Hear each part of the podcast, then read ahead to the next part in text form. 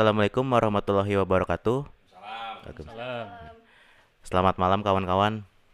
Balik lagi bersama kita di Agronom Podcast. Ya, seperti biasa malam ini ada saya Fahri, terus ada Hana, ada Pak Irsam dan juga Pak Hasan. Halo.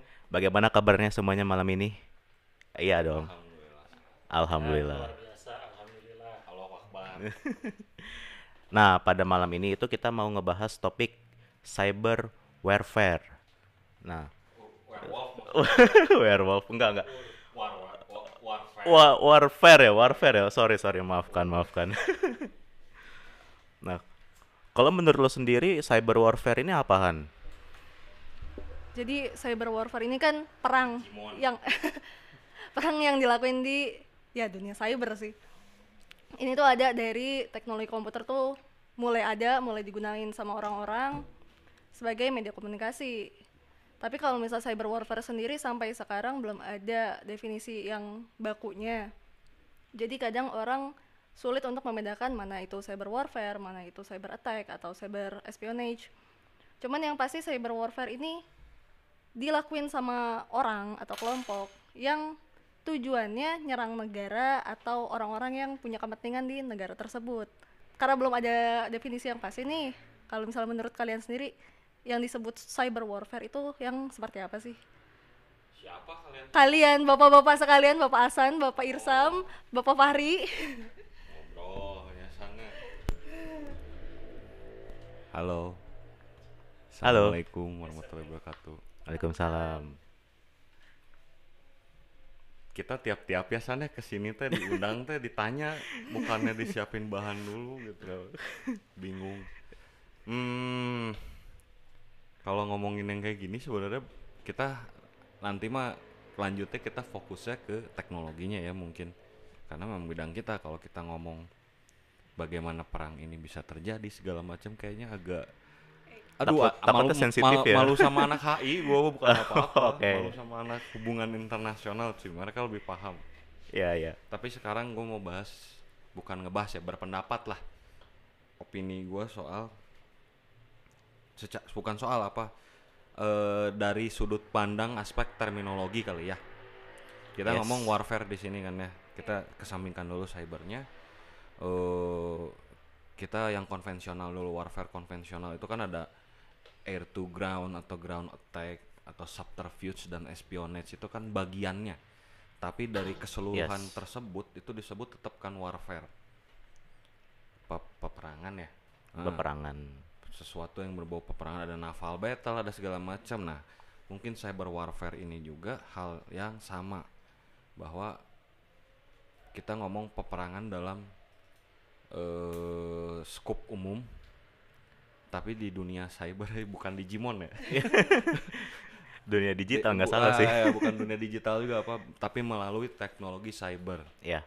itu bisa berupa cyber espionage ataupun cyber attack ataupun apa pun lah eh jadi dua hal tersebut yang tadi lu lu pada bilang nggak belum ada definisinya. Terus soalnya ada yang bilang ini masuk cyber attack atau cyber apa espionage. Espionage. sebenarnya kalau kalau kita ngelihat secara bahasa nih gue simpelin ya terminologi itu adalah part dari cyber warfare. Mungkin mereka nggak ada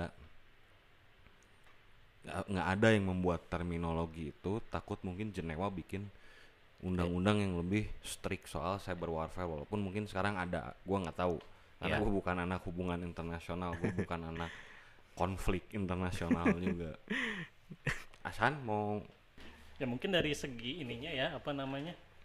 ruang lingkupnya gitu kalau misalnya kita bicara cyber warfare bisa dikatakan eh, antara satu state dengan state lain sepertinya. Jadi kalau misalkan nih antara kalau kalau company sama company mungkin nggak nggak disebutnya cyber warfare, sebutnya mungkin cyber attack gitu ya antara satu company dengan company lain.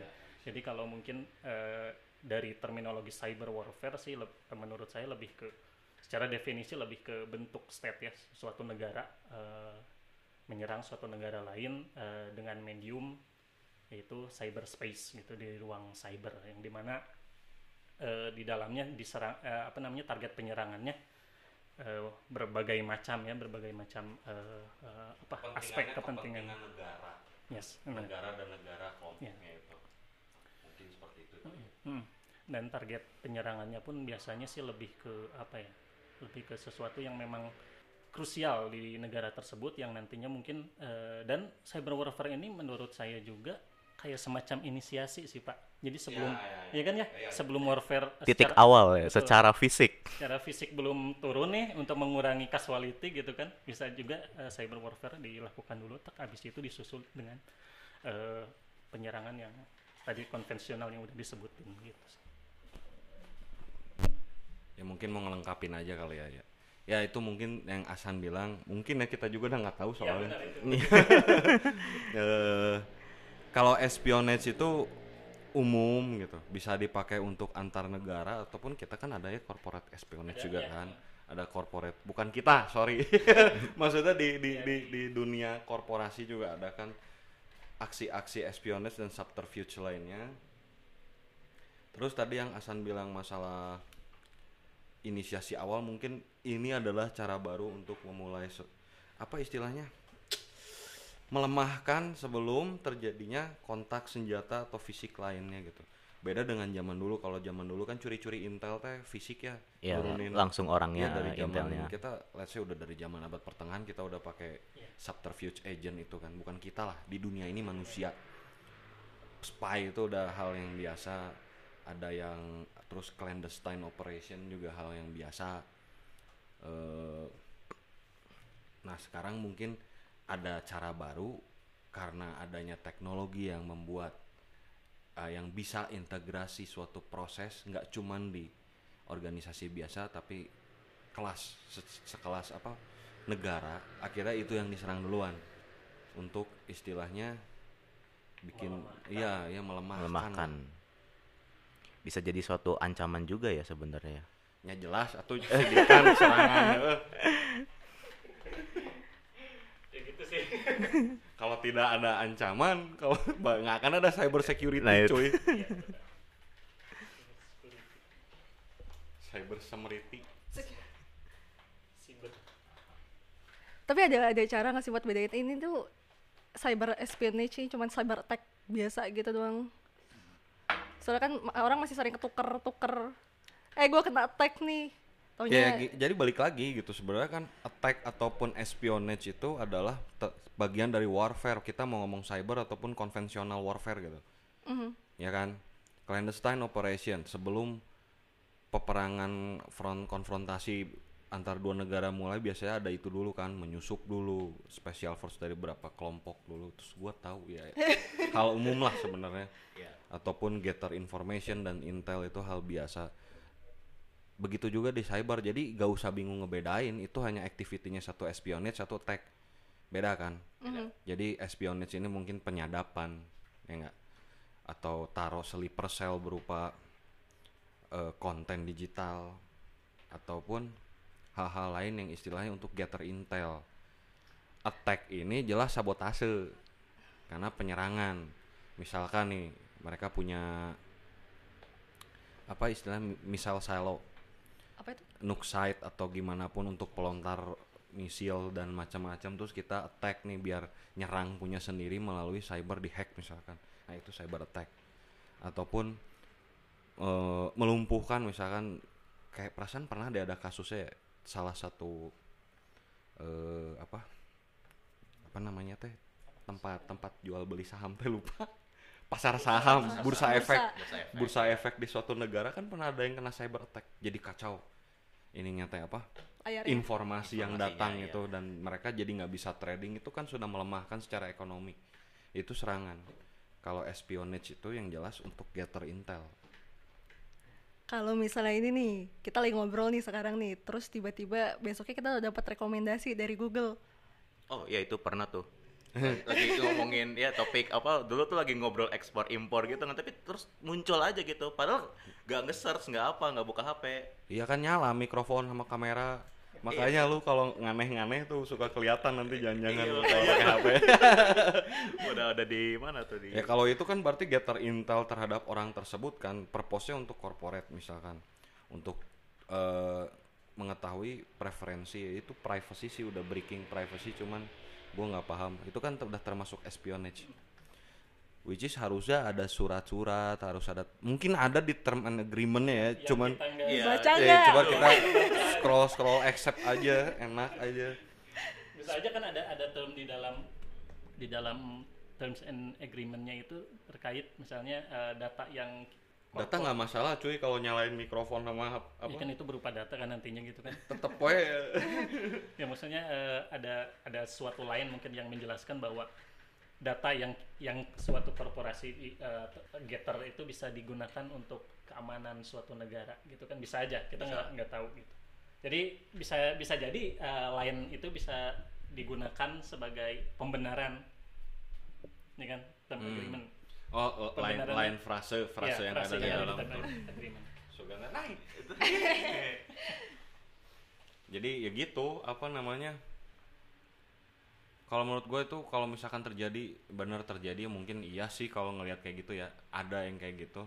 Resiko kita juga pakai teknologi. Yes, karena karena setiap policy ataupun kebijakan ataupun aksi dan decision itu pasti ada plus minusnya. Hal apa pun termasuk ketika kita mau weh sekarang zamannya teknologi ya. Banyak banyak apa namanya? Banyak resiko bukan resiko lah. Hal yang harus diterima juga bukan hanya kebaikan dari teknologi tersebut. Misalkan SDM di cut terus ada getter intel kayak gini untuk purpose market dan lain-lain. Kita nggak tahu sih purpose-nya market atau ada yang lain.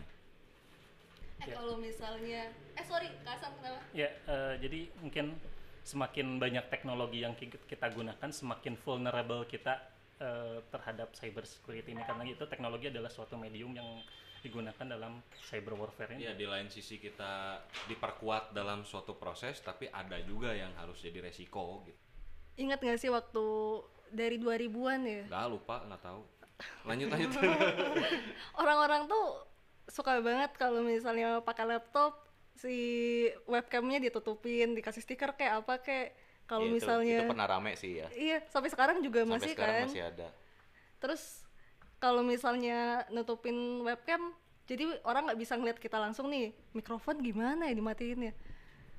dicabut bisa kalau mau mau cuman ya ya udah sih Iya. emang kita ngapain sih gitu kan Siapa tahu. ya kalau misalkan kita punya purpose khusus yang memang harus harus very secretive gitu ya ya pasti kita disediain tools yang seperti itu dong yang untuk menjaga. Misalkan kita anggota badan intelijen kan laptop kita nggak sembarangan. Iya. Tools tools yang kita pakai nggak sembarangan. Kalau kita civilian ya udah wayahnya makanya dia suka aneh di laptop. Nggak nggak anehnya gimana nih maksudnya kayak kayak ya iya. buka buka situs yang enggak enggak gitu kayak lu kan. Eh, Ya contoh ya contoh apa namanya mungkin penanggulangan ini saya pernah standby di salah satu bank gitu lah. Eh, di si komputernya itu kita nggak bisa nyolokin eh, flash disk ya. Maksudnya flash, disk dicolokin tapi disable gitu. Jadi salah satu penanggulangan mungkinnya dari dari bank tersebut untuk tidak eh, terjadi kebocoran gitu. Bahkan internet pun kan dimatiin jadi mereka pakainya intranet. Salah satu penanggulangannya mungkin itu. Oh iya klien kita juga banyak kan yang pakai intranet segala macam. Oh iya. jadi ya makanya sih pakai VPN benernya mah. Eh tapi Agak- bisa aja VPN nanti ada di di di DOS attack. Ya bisa. Dan probably sekarang sebenarnya kita nggak tahu aja. VPN juga pasti udah udah udah udah Udah secure udah ya. ada AI yang bisa ngegather dari tiap server VPN itu untuk mengerucutkan data itu. Ah oke. Semakin semakin apa? Semakin semakin di depan. Semakin dapat enggak kayak Yamaha. semua Eh, kayak eh. privasi itu udah bukan privasi gitu loh.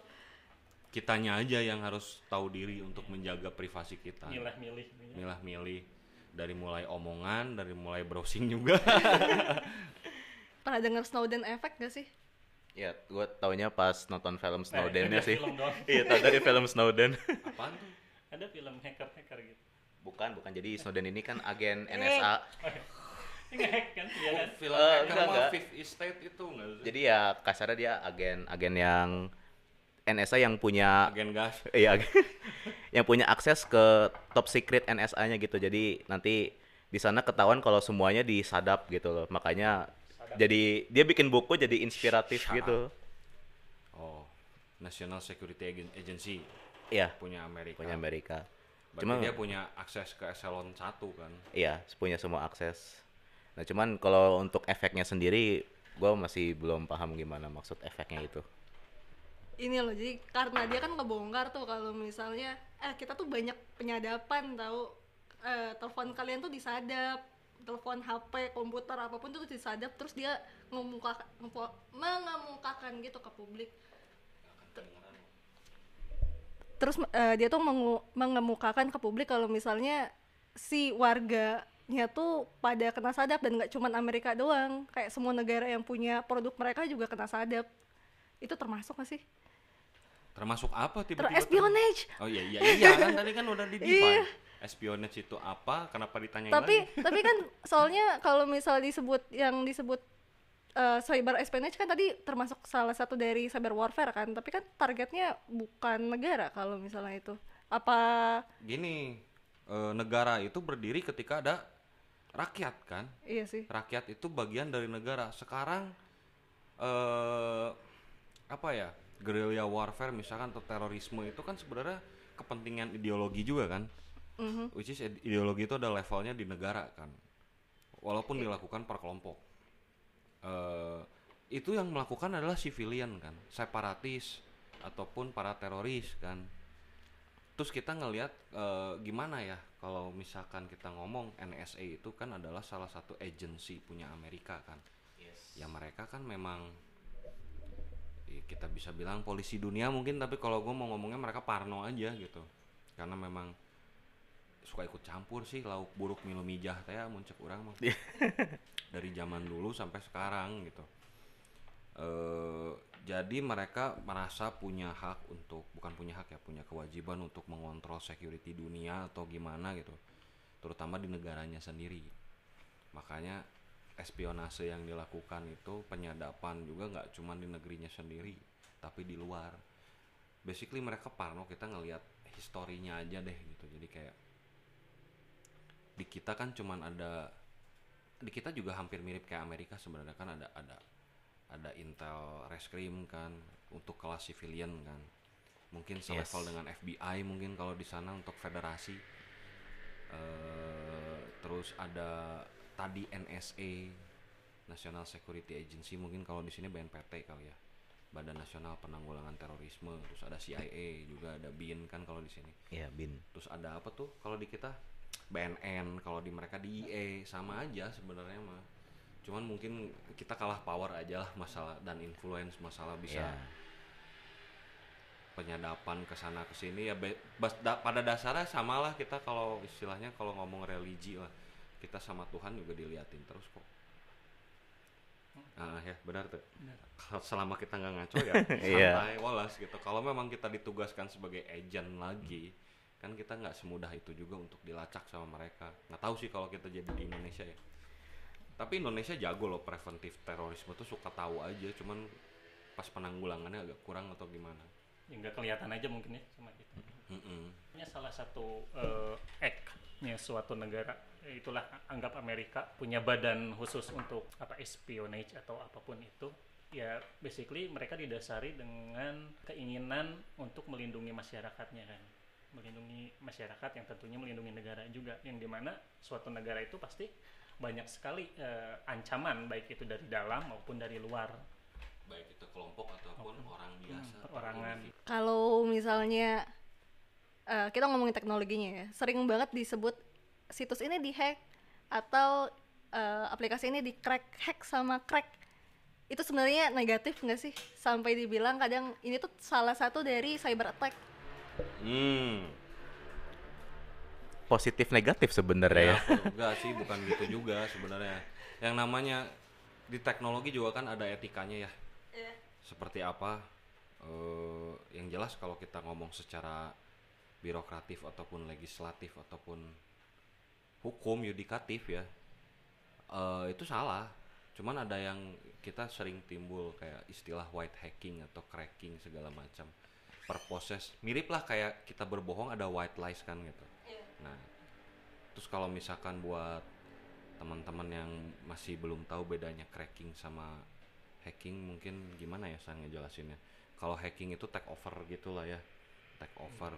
Kita ngontrol sesuatu yang bukan punya kita ngejebol sesuatu kalau cracking itu lebih kayak misalkan kita nge-crack safe gitu Nge-crack ngejebol untuk dipakai sama kita gitu. Oh. Game kan lu kalau Iya. nggak beli license nggak bisa main kan, tapi di crack license-nya biar bisa dipakai bajakan, membajak itu cracking. Membajak. biar punya akses Biar punya eh, akses. pakai suatu produk mungkin Ya, kalau hacking, lu masuk ke dalam repis- repository atau DRM-nya si game tersebut terus lu ubah asetnya menjadi game adventure jadi porno misalkan nama lu. Nah, itu, Oh, itu hacking. baru hacking. mod Bahaya. beda. ya beda beda. Kalau mod bisa legal kan. Gimana Ya, term and asalnya. agreement ya? iya sih. Asalnya- asalnya term of agreement. Tapi kadang memang eh, untuk apa hacking ini kadang oh ternyata dia jago hacking walaupun dia sempat ngehack website organisasi pemerintahan misalkan. Tapi karena dia saking jagonya dia bisa aja ditarik langsung wah dia orangnya jago nih. Walaupun memang niatnya dia awalnya iseng gitu. Nah, terus? Oh, lu berpendapat? iya itu berpendapat. Ya, bukan bertanya itu mah kita nggak tahu ya eh, bagaimana sistem rekrutmen orang-orang level intelijen kita nggak tahu. Bisa aja dihukum, bisa aja direkrut, bisa aja dibilangnya dihukum padahal direkrut kita nggak. iya nggak tahu jadi cukup banyak rahasia juga ya di negara kita ini Kalau nggak ada rahasia ya sama pacar aja kadang ada rahasia di antara kita. Ai. sama keluarga aja ada ya kan DDoS deh, pernah dengar nggak? Ah, iya tadi yang Coba-coba gimana jelasin, kita mah nggak tahu ya sana. Distribu- Distributed Denial of Service atau DDoS itu tuh sebenarnya gue kurang paham sih maksudnya kayak dia tuh bentukannya apa yang pasti itu tuh ngebikin orang yang ngakses si webnya atau ada eh, perintah-perintah dari luar yang bikin web tersebut nggak bisa diakses sama orang. Iya, jadi kayak dia namanya kan distributed ya dia ngirimin request-request yang misalkan kalau orang pencet ini nanti malah ke mana malah ke mana gitu atau enggak ketika dipencet ini nanti malah ngebuka worm atau malah nanti ngedownload virus kan bisa kayak gitu jadi ya jadi ya eh, bisa jadi itu buat biar orang itu nggak bisa ngeakses web itu lagi jadi Iya, banyak eh, jadi kayak semacam redirect lah. ah iya Bukan cuma redirect nggak bisa ngakses, justru kadang kita dipaksa ngakses yang lain. Contoh website-website phishing. Bukan mancing, sorry, phishing. phishing apa tuh apa tuh Ya, Di- cari aja lah sendirilah. Ih, phishing, phishing. Pencurian identitas kan yang Iya. phishing itu sebenarnya. Phishing, phishing, terus kayak website-website yang untuk ngedownload malware ya itu kan. Eh, sebenarnya gini, ketika seseorang terkena espionage orang kayak kita lah, masyarakat biasa kan bisa dimulai dari DDoS itu. DDoS kita keserang ada yang ke download sama kita malware spyware sorry beda ya? Oh iya, beda. Malware sama spyware. beda beda. Spyware. Mau mau pakai anti spyware atau apa pun juga kita nggak tahu lah. Nah itu masuk bisa dari situ salah satu jalan terremehnya teremehnya. Karena DDoS mah kayaknya udah umum pisan ya. Iya udah paling sering. Banyak dilakuin. bocah-bocah ngehack terus ganti website ini dihack oleh anonymous itu Iya, iya. topeng anonimus. eh berarti nggak hack itu sebenarnya gampang ya? Sampai bocah bisa nggak susah kok. Jangan jangan kalau kalian nggak ada kebutuhan buat apa jangan Walaupun niatnya iseng tapi mungkin jangan nanti malah diincar Intel kan repot juga nanti. Indomie telur Ini Indomie telur. eh tapi pernah kan waktu itu web web negara lupa apa yang dia jadi nggak bisa kebuka si websitenya wah sering nih kita mah sering. Cuman yang emang yang rame itu memang lupa apa tapi layarnya jadi blank terus ada autornya siapa gitu. By siapa siapa, by anonymous siapa gitu. Nah sebenarnya kan kalau ngasih nama gitu gimana ya mau mau ngerjain orang tapi dia ngasih by-nya cuy. Nah itu bingung dan sebenarnya dia mau narik perhatian atau gimana? ya itu kan itu kan kasarnya calling card ya iya. calling card jadi biar kayak Robin Hood ninggalin apa gitu Zoro ninggalin apa Ah, itu mah theatrical action tapi kita nggak tahu kan sebenarnya di balik dia naro itu apakah dia melakukan DDoS ke kanal lain untuk memasukkan sesuatu ketika orang akses tersebut lucunya website lagi dihack orang kita mah penasaran coba ah buka gitu kan. Ah iya benar benar. Cing, gimana? Eh, iya, itu gimana ya? Gimana Penasaran. apa? Dampaknya apa sih biasanya? Selain eh, gue nggak bisa akses nih. Data kita kecuri. aja. Yang di laptop aja. Bes- kita sebenarnya kita nggak tahu. Nggak tahu, dia nggak- dia, dia ah, ah, nyempilin malware atau spyware apa kita nggak tahu. Kayak dia bisa bergerak bebas. Iya bisa aja pas eh, abis kita buka websitenya terus jadi nge-lag HP kita atau laptop kita itu bisa aja. Karena nanti Kalau misalnya di ini dibuka skripnya, eh, taunya ini eh, skripnya bahasa Arab kan bingung tuh dari kanan. Biasanya kita bikin code dari kiri, ini dari kanan. Eh kita mau kalau misalnya Hana bahas yang lagi rame nih ya, perang yang lagi rame, boleh nggak Silakan. Ukraina? Kenapa nggak boleh apa nggak berita? Siapa tahu yang Ukraina sama Rusia. Pada tahu nggak sih kalau misalnya ternyata Ukraina tuh udah kena DDoS attack ini dari tahun kemarin. Coba ceritain. Jadi iya kalau nggak salah dari tahun kemarin website governmentnya mereka tuh nggak bisa diakses dan skala kabut kan si pemerintahan sana sampai ada yang nulis eh kita punya misil nih di sini soalnya kan tahun-tahun dulu tuh sempat ada misil di take over sama orang lain bukan di Ukraina sih tapi Oh ya, yang di Iran. iya ngehack misil bagus tuh Iya. Tadi udah diobrol. Terus eh ternyata kalau misalnya dilihat ditelusurin gitu attack yang dilakuin sama Rusia itu udah dari bulan-bulan sebelum mereka nerjunin troops langsung gitu yang mereka nggak bisa buka web pemerintah mereka nggak bisa ngendaliin eh, information system yang mereka pakai di negaranya banyak yang nggak bisa diakses Terus jadi intinya kalian tahu nggak sih ya hal biasa sebenarnya mas. Itu yang disebutin tadi kan biasanya mungkin Prepnya itu, prepnya tuh apa? inisiasi awal. Inisiasi awal prepnya mungkin kalau sekarang trennya kayak gitu. Apa cyber warfare, cyber attack. sorry. baru tahu. Jadi kan balik lagi itu kan konflik yang sudah lama sebenarnya antara Ukraina dengan Rusia. Kalian kan baru tahunya mungkin sekarang ya. Iya. Atau beberapa tahun ke belakang waktu ada maskapai yang ditembak. Padahal kan udah lama gitu. Udah udah lupa sih dari tahun berapa ya 2000-an awal kalau nggak salah. Eh ya basically kan itu sebenarnya dua kubu perbatasan dua kubu ya. Iya. Eh Ukraina itu antara NATO dengan si STO kan. Si STO. si STO Eh, terus Ukrainanya mau Gabung NATO. gabung NATO. Makanya ya perang kepentingan. Udah di prep pasti dari dulu. Sebelum ada niat eh, apa namanya kalau ini dari dari opini gue ya. Jadi bukan suatu hal yang benar ataupun salah. Nggak tahu. Wallahu alam. Iya. Eh, sebelum Ukraina mau niat gabung NATO ataupun dia sempat mau gabung CSTO, gue nggak tahu lah. Pokoknya dia mau align ke salah satu allegiance kita nggak tahu. Tapi yang jelas itu border antara dua kubu pasti dua kubu itu sudah menanamkan sesuatu plan dan apa pun itu gitu. Sebelum akhirnya escalate sequickly sekarang gitu dari Crimea dan sekarang Eastern Ukraine dan pasti udah zamannya teknologi yang lumayan canggih udah pakai satelit segala macam pasti awalnya. Nggak pasti sih sebenarnya. Kemungkinan besar diawali dengan cyber attack. Jangankan yang case-case kayak gini lah. Novel aja novelnya Tom Clancy kan yang Threat Factor juga ngomongin Laut Cina Selatan ketika konfliknya belum jadi novel itu. Dan udah ngomong cyber warfare juga di situ Threat Factor Jadi seperti kayak ada renca memang udah ada rencana sebelum buku itu dibikin atau pas buku itu dibikin ya, tapi belum apa sih apa sih gue cuman ngasih contoh cuy Iya ya, gua buku. maksudnya mau mau nanya aja jadi memang seperti udah di plan gitu walaupun memang di Jadi bukan reveal-nya. bukan bukan di plan atau gimana ya. eh, basically semua negara itu nggak tahu kalau negara kita ya. Jujur aja gue nggak tahu kalau negara kita. semua negara itu pasti berlomba-lomba lebih advance dari yang lain. Iya. Dan apalagi teknologi ya, information teknologi itu IT ya ataupun IoT ataupun apalah yang sekarang lagi hits industri 4.0 itu adalah suatu disiplin teknologi itu paling gampang dibaca pergerakan ke depannya bakal gimana. Beda dengan kalau kita ngomong kebijakan politik dan lain-lain. Itu kan dinamis. Kita ngelihat situasi sosial dan lain-lain. Kalau teknologi kan ya gitu-gitu wae. Bukan gitu-gitu wae dengan mudah ya. Tapi maksudnya paling gampang, IT itu paling gampang kebaca. Sekarang kita udah ngebayangin sesuatu minggu depan udah ada. Iya iya, Begitu itu. kan? Heeh.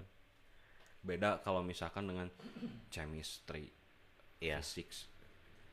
Itu itu agak susah karena kita hubungannya dengan alam, dengan suatu unsur yang memang kalau kita sebagai orang yang teis percaya itu buatan yang maha kuasa atau ditentukan oleh yang maha kuasa saintis walaupun banyak yang ateis mereka nggak bisa decide juga begitu aja kan ya misalkan mau bikin bom baru atau mau bikin pesawat baru butuh waktu yang lama kalau IT mah buatan manusia banget paling gampang untuk disetir untuk dibawa trennya ke mana untuk dilihat pergerakannya ke mana Gimana Kak Hasan?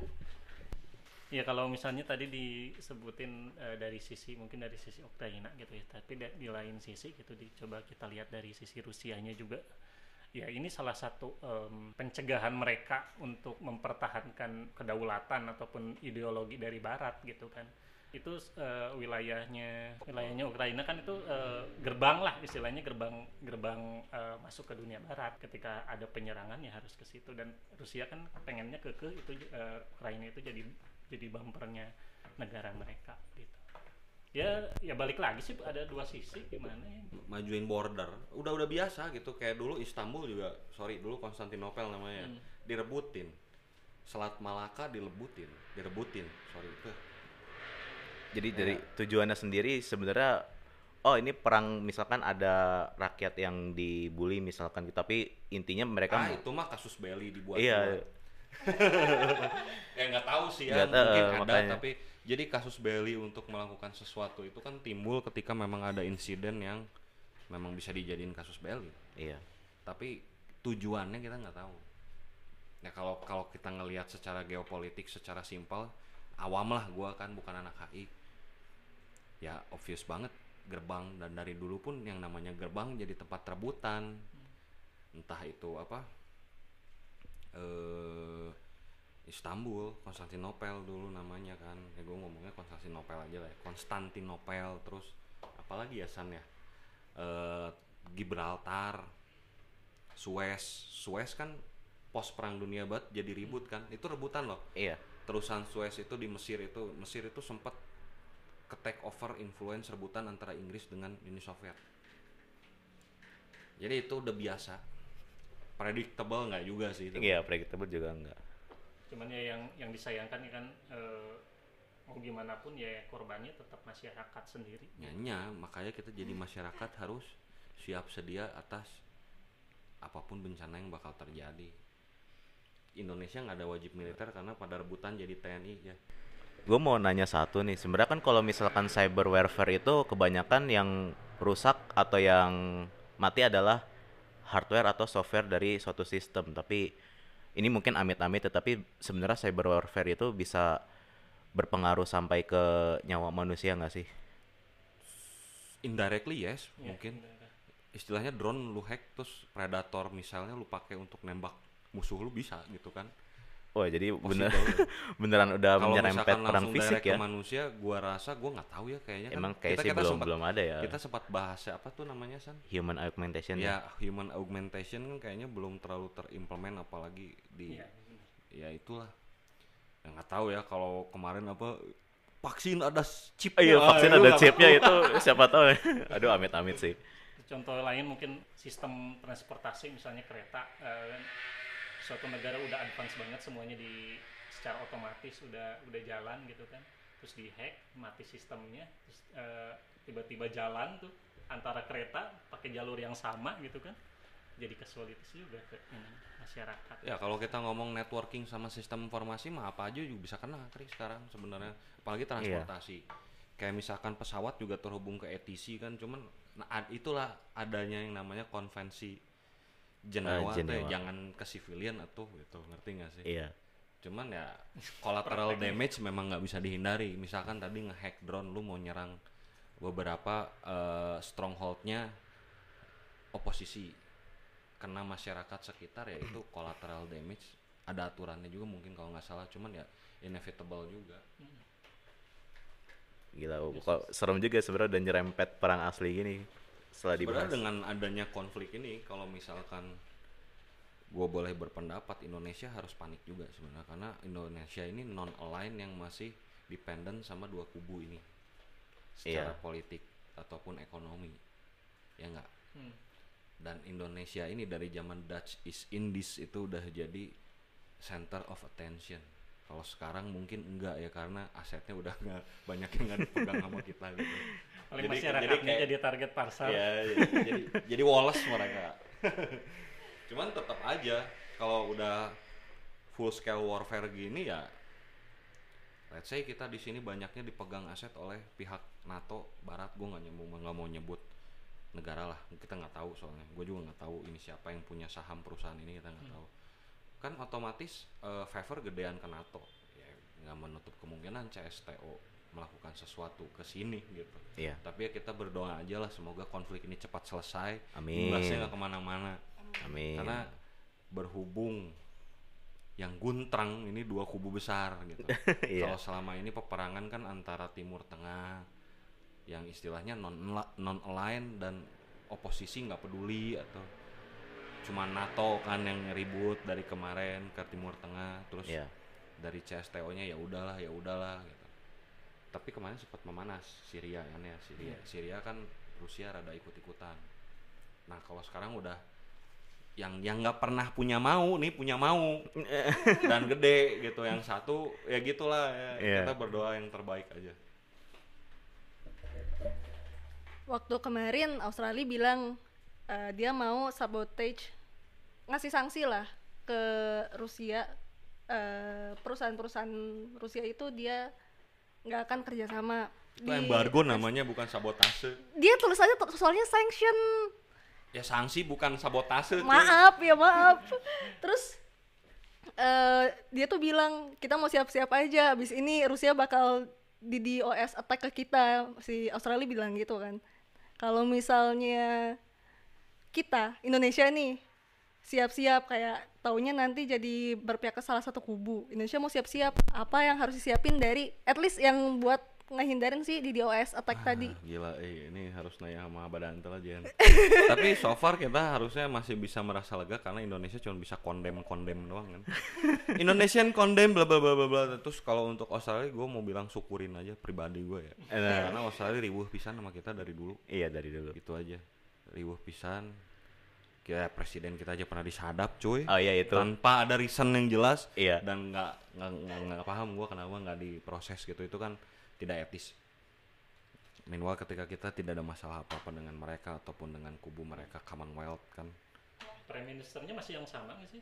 abot kayaknya udah Iya. bukan sih kalau misalkan sampai terjadi kayak gitu apa yang harus dipersiapkan ya sebenarnya ya kita harus siap infrastruktur kita dong tapi kita lihat sendiri infrastruktur dalam arti teknologi ya Teknologi iya. tapi kita lihat sendiri internet lah moti kita mah kayak kayak, kayak diserang nggak diserang nggak ada bedanya ada. mungkin.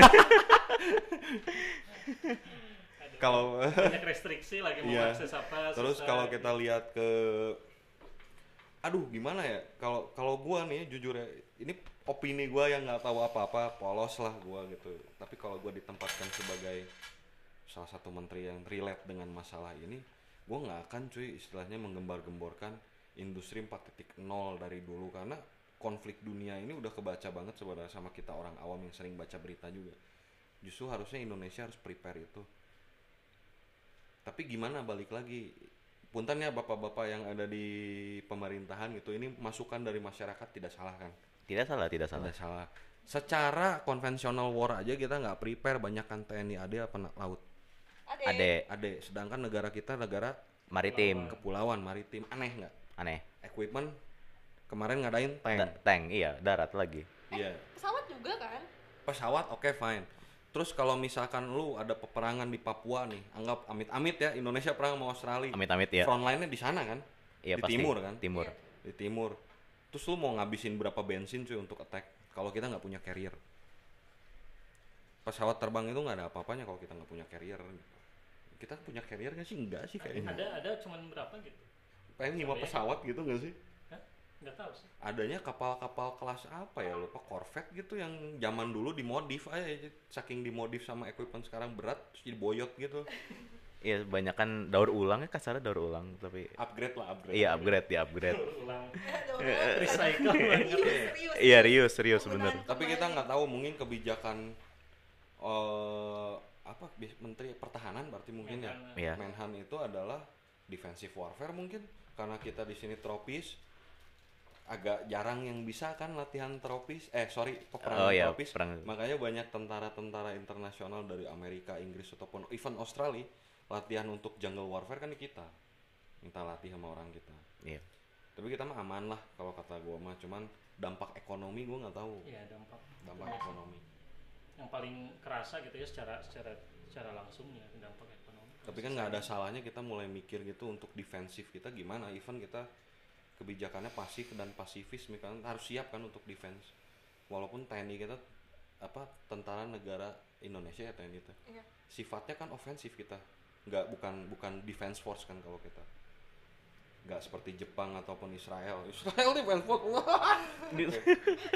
kalau Jepang ya defense force kan saking nggak pernah ikut perangnya ya helikopter bikin Pikachu tuh Tra- masih trauma kali zaman Ini dulu. juga bukan masih trauma ditodong coy Ditodong. ditodong nggak bisa ngapa-ngapain gitu Iya, kepala gitu dong. bingung mereka banyak orang pintar budget gede harusnya sangat possible untuk Iya. bikin teknologi militer dan pertahanan ya larinya ke benda-benda yang enggak enggak gitu kan Iya.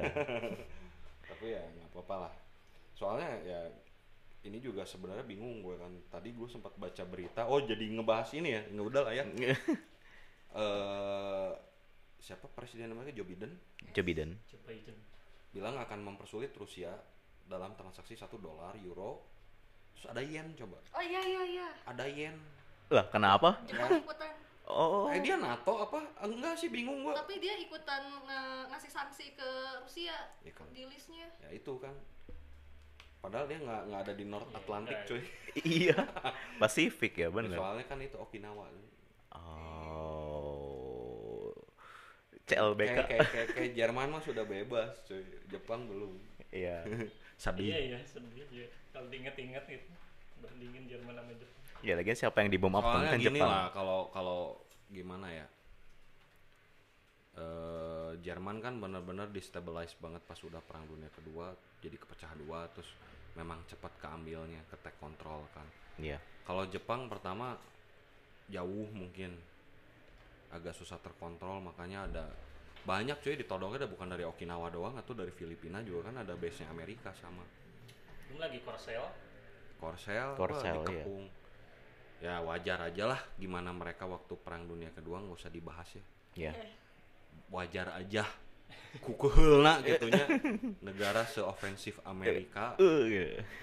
yang udah benar-benar kayak istilahnya senang perang aja masih keheul pisan anjing kak. Iya. Dan jujur aja gue juga sebagai warga negara Indonesia paling susah menerima itu ketika dijajah Jepang parah. Soalnya kan ya gue sering ceritalah sama kalian ya. Iya tahu. betapa susahnya keluarga gua zaman dulu nenek gua lah yang ngerasain terutama waktu era perang dunia kedua pas Jepang di sini kalau Belanda 350 tahun ya ya menjajah sih ya oh iya VOC Dutch, Dutch is Indies tapi mereka Dutch. banyaknya dagang kan di sini dan kita bilang ngejajah Indonesia wow 350 tahun yang lalu itu ceritanya itu apakah sudah ada entitas negara Indonesia kan? Belum. Belum. kalau zaman Jepang Indonesia itu sebenarnya beberapa negara mengakui dia merdeka udah dari 1943 atau 1944 ketika Sumpah Pemuda ya eh bukan ya apa pokoknya udah ada niat mau mer- memerdekakan diri udah banyak yang oh ya itu negara gitu. Karena memang decolonization itu udah banyak di negara-negara lain juga termasuk di Indonesia jadi didukung jadi ketika Jepang masuk wajar aja Indonesia udah bisa dibilang sudah kesatuan Apa deh yang harus yang kalau misalnya teknologi kita sendiri kan tadi disebutnya yang konvensional. Kalau misalnya yang dari teknologinya harus nyiapin infrastruktur. Sebenarnya orang-orangnya sendiri udah melek teknologi sampai sejauh itu nggak sih orang kita tuh? Sebenarnya kalau kita ngomong teknologi untuk kayak gini nggak perlu lah orang awam melek, justru bahaya sih. Maksudnya yang bikinnya harus sudah ada sebenarnya mah udah ada. Kita udah ada sekolah khusus kan kayak sandi negara gitu ya. Tinggal tinggal implementasinya aja. Kita juga nggak tahu sebenarnya. Tahu sebenarnya udah jalan Iya belum. udah jalan apa belum. Cuman kalau ngelihat sering kehack sama segala macam ya berarti masih ada yang kurang dan harus dibenahi. Gitu Karena aja. belum- kalau belum apa belum lihat lagi yang ke hack antara dua dua kemungkinan kan antara kegiatan hack memang tidak ada atau kedua memang cyber security mereka memang sudah jago gitu kan. Ya kalau ngelihat kena hack sih masih ada yang harus dibenahi san gitu aja. Terus kayak eh, teknologi-teknologi yang didukung oleh information teknologi ataupun sistem informasi harus mulai ada lah. Kayak guided missile yang lain-lain gitu kan. Precise bombing ya sebenarnya Indonesia nggak tahu juga bisa precise bombing apa enggak dan nggak pernah perang ya tapi ya, Iya. saya berdoa ada aja lah gitu disiapin lah Iya, at least Gitu. siapin lah. minimal mah sistem komunikasi dan radar yang bener gitu Kalau misalnya nih eh, ada misalnya Hana masih bocah, terus Hana mau belajar hacking sama cracking gitu, bisa nggak sih? banyak course-nya kalau dicari juga di Udemy juga banyak cuman tetap aja kalau kita ngomong cyber warfare hacking dan crackingnya bukan hal-hal yang remeh makanya ada sekolah khususnya tadi kan sandi negara ya ya jadi kalau lo memang ade-ade di sini ada yang berminat untuk membaktikan diri pada negara di bidang teknologi dan networking kayak gitu ya siap-siap aja persiapkan aja Ya, mental dan ininya. maksudnya disiapin nanti untuk siap masuk ke sana. Ada kok dibuka dengan umum. Eh, biasanya memang masuk badan kayak intelijen, kayak kan kayak stun gitu kan. Ya, kayak dia- stun. Dia, lebih ke amanan. keamanan, Eh, iya, stan, lebih ke ah, IT-nya lah. Hana pengen iseng buka situsnya Ukraina sekarang aman gak ya? Mending jangan sih. Ya mending jangan sih kita kan nggak tahu ya. Balik Iya. lagi kita nggak tahu ngapain juga cuy. Iya. Kepo aja. Kan kalau kepo masih ada CNN, ada berita kok, mau tinggal lihat aja. Hei, nanti bisa di setir loh sama media. Eh, Itu mah pintar-pintar kita. Iya gimana kita milih-milih. Kita no komen lah kalau masalah apa Propaganda. propaganda media mah kita nggak tahu kita kita kan sebenarnya pengennya nggak di kubu siapa pun gitu ya jadi kita cuman bantu doang aja yang terbaik buat seluruh dunia gitu perang pada turun nggak? Kalau taunya Indonesia perang. amit Amit amit. Woi, eh. Kalian berdua udah diajak main arma kan Asan mah udah pernah Iya, bener. Iya kan, padahal cuman game kalian udah jerit-jerit nggak jelas kan, kayak ada yang ketembak terus kalian, Weh Kri, tolong itu si Hana bantuin tuh sudah jerit-jerit panik napasnya udah, padahal main game cuy, lu, lu, lu pada bayangin kalau perang beneran, amit-amit, Amit. nauzubillah min zalik. Yang ini aja kita doakan semoga cepat Beres. selesai, jangan berkepanjangan kayak di Timur Tengah. Gue cuman berharap sebenarnya Rusia ini melakukan invasi itu hanya ngegas lah kasarnya. Sampai ada kebijakan atau misalkan keputusan bersama mau gimana dan disettle oleh kedua belah pihak gitu aja. Karena sebenarnya belum full scale kan belum all out attack mereka. Ngeri sih cuy, apalagi udah udah megang-megang nuklir mah, aduh. oh iya pertama kan megang nuklir terus kubu yang konfrontasi kan kubu besar NATO dan CSTO lo Iya. gimana ya bukan bukan NATO sama Libya ataupun Iya. Kubu Adidaya ya. Iya, kubu Adidaya dengan Adidaya Iya, cuy. Adidaya Satu dengan sama Adidaya. dua itu kekuatan militernya satu versus dua. logikanya kemungkinan besar ketika Rusia harus all out war dengan NATO, Cina ikutan nggak? Yoi. Republik Rakyat, Rakyat Cina itu teh dekat sama kita teh cuy. Nah, yang ditodong tadi nih, yang ditodong ikutan nggak? Aduh jadi takut. Nah, makanya ini ngomong jangan sembarangan. Kan siapa tahu, soalnya kan deket Australia aja Ya, siap-siap. ya. Australia mah riweuh, stong didangu eta mah. Papua Iya, iya. gini ribet, Timor Leste gini ribet, padahal bukan urusan dia.